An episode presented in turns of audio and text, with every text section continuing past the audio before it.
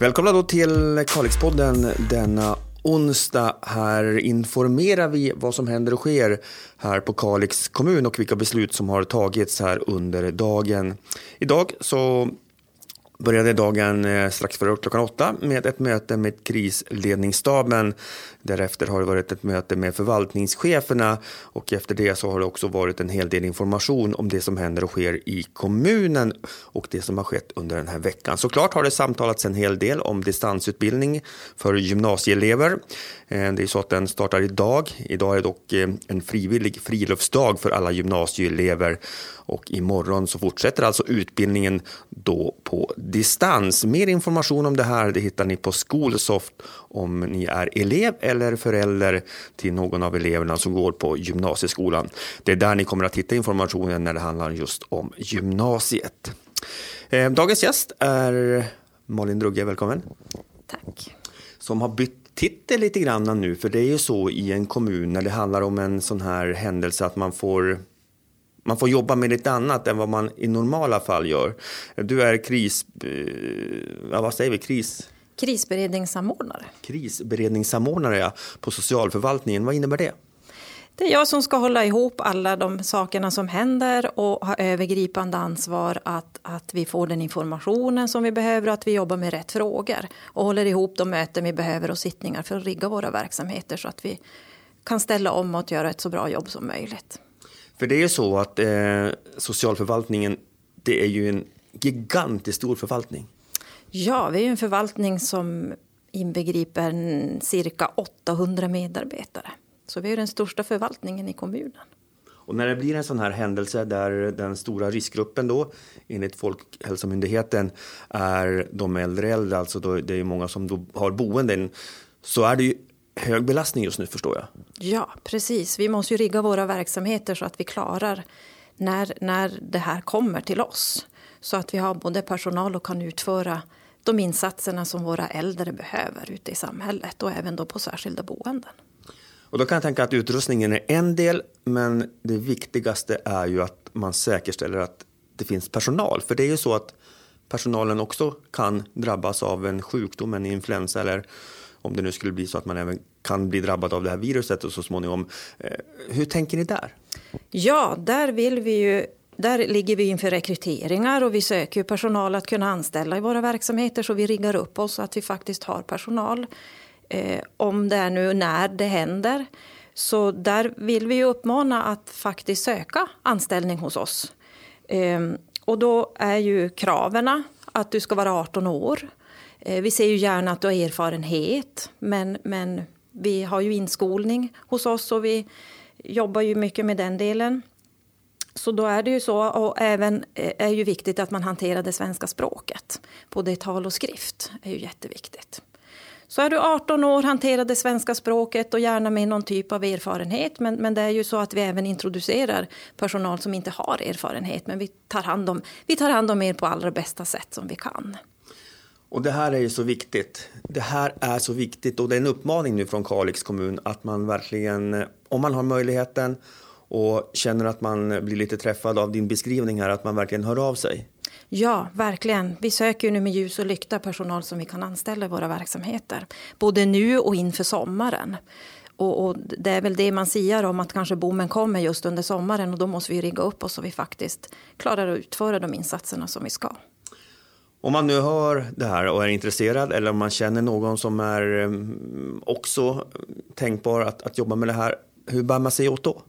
Ja, då kan man antingen gå in och söka på Kalix kommuns hemsida under lediga jobb. kan man registrera sig. Eller så kan man höra av sig till vår bemanning och ringa då 65 000 och begära att få prata med bemanningen. Och sedan, vad händer då? Då är det ju så att en, en chef kommer kontakta dig som söker och kolla av, vi träffas lite grann och se vad man har för, för referenser och, och gärna med utbildning men även erfarenhet är ju jätteviktigt också. Och det här kan gå rätt snabbt. Jag menar om, om eh, jag känner någon som vill, vill anmäla sig kan man göra det redan nu, här och nu. Eh, och sen kan man få det här mötet relativt snabbt när det handlar om att, eh, att eh, träffas. Ja, absolut. Vi, vi ligger ju i den här fasen att vi rekryterar löpande hela tiden. Så är du sugen att prova en anställning inom omsorgen så är du jättevälkommen att höra av dig till oss och vi kommer ta hand om dig på allra bästa sätt för att du ska få en förutsättning att göra ett bra jobb. Och det är ju ett fantastiskt jobb att få, få jobba och möjligheten att få jobba med de som bor på de här boendena. Ja, det är världens bästa jobb. Så passa på att ta chansen och prova när man har möjligheten. Ska vi ta de här kriterierna igen, Malin, eh, som det handlar om? Ja, du ska ju vara 18 år fyllda. Det är ju jätteviktigt. Och, och gärna om du har någon, någon utbildning inom om sådana undersköterska, vårdbiträde. Men och har man inte det så ser vi ju till erfarenhet vad man har jobbat med. Eh, men såklart så är du intresserad och är intresserad av att jobba med människor är det ju en stor fördel. Och då, då hjälper vi dig att ta hand om dig på bästa sätt för att introducera dig i yrket. Och sen hör man av sig alltså till bemanningen här då på Kalix kommun? Ja, eller att man går in och söker på lediga jobb. För där går vi in och tittar hela tiden och ser om vi har någon ny ansökning, någon vi kan kontakta. Och det är ju faktiskt väldigt smidigt att göra det och det går rätt snabbt också. För det är ju så i de här tiderna så är det väldigt hög belastning på väldigt många i en kommun. Ja, så är det ju. Vi har ju enhetschefer som jobbar i skarp drift nu med att, att säkerställa de här sakerna, så de kan vara väldigt svåra att få tag i i det här läget. Så antingen att man registrerar sig i, i, på hemsidan eller möjligtvis ringa bemanningen.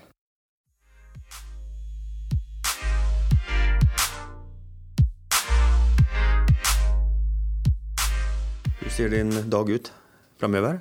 Ja, vi kommer kämpa på med alla de här bitarna nu och rigga. Jag har redan skickat ut eh, mötesbokningar så att vi har kontinuerliga träffar. Ehm, vi kommer jobba lite grann med att se över vår personal. Det här med barnomsorg, vilken, hur många av vår personal är i behov av barnomsorg. Om det ska hända någonting inom den delen så vi kan rigga och veta hur många personer det här gäller. Vi tittar ju över så vi har skyddsutrustning, vi inventerar de bitarna. Eh, vi ser över hur vi kan stärka upp chefstaben så att vi verkligen har alla personer på plats. Ehm, så att vi faktiskt kan jobba effektivt med de här frågorna. Och, och då var en del att, att jag lämnar vissa saker som jag pysslar med för att kliva in fullt ut i den här rollen. För att samordna och se så att vi har koll på alla de här bitarna som kommer. Och alla frågor som kommer från verksamheten också är ju jätte, jätteviktiga. Och sen är ju tidsspannet, det är ju det jobb ni gör just nu är egentligen det som kommer framöver. Man vet ju inte riktigt hur långt tidsspannet är, men det är en långsiktig planering och strategi det handlar om. Ja, alla chefer sitter ju nu i full skarp drift att jobba med den här planeringen om det händer.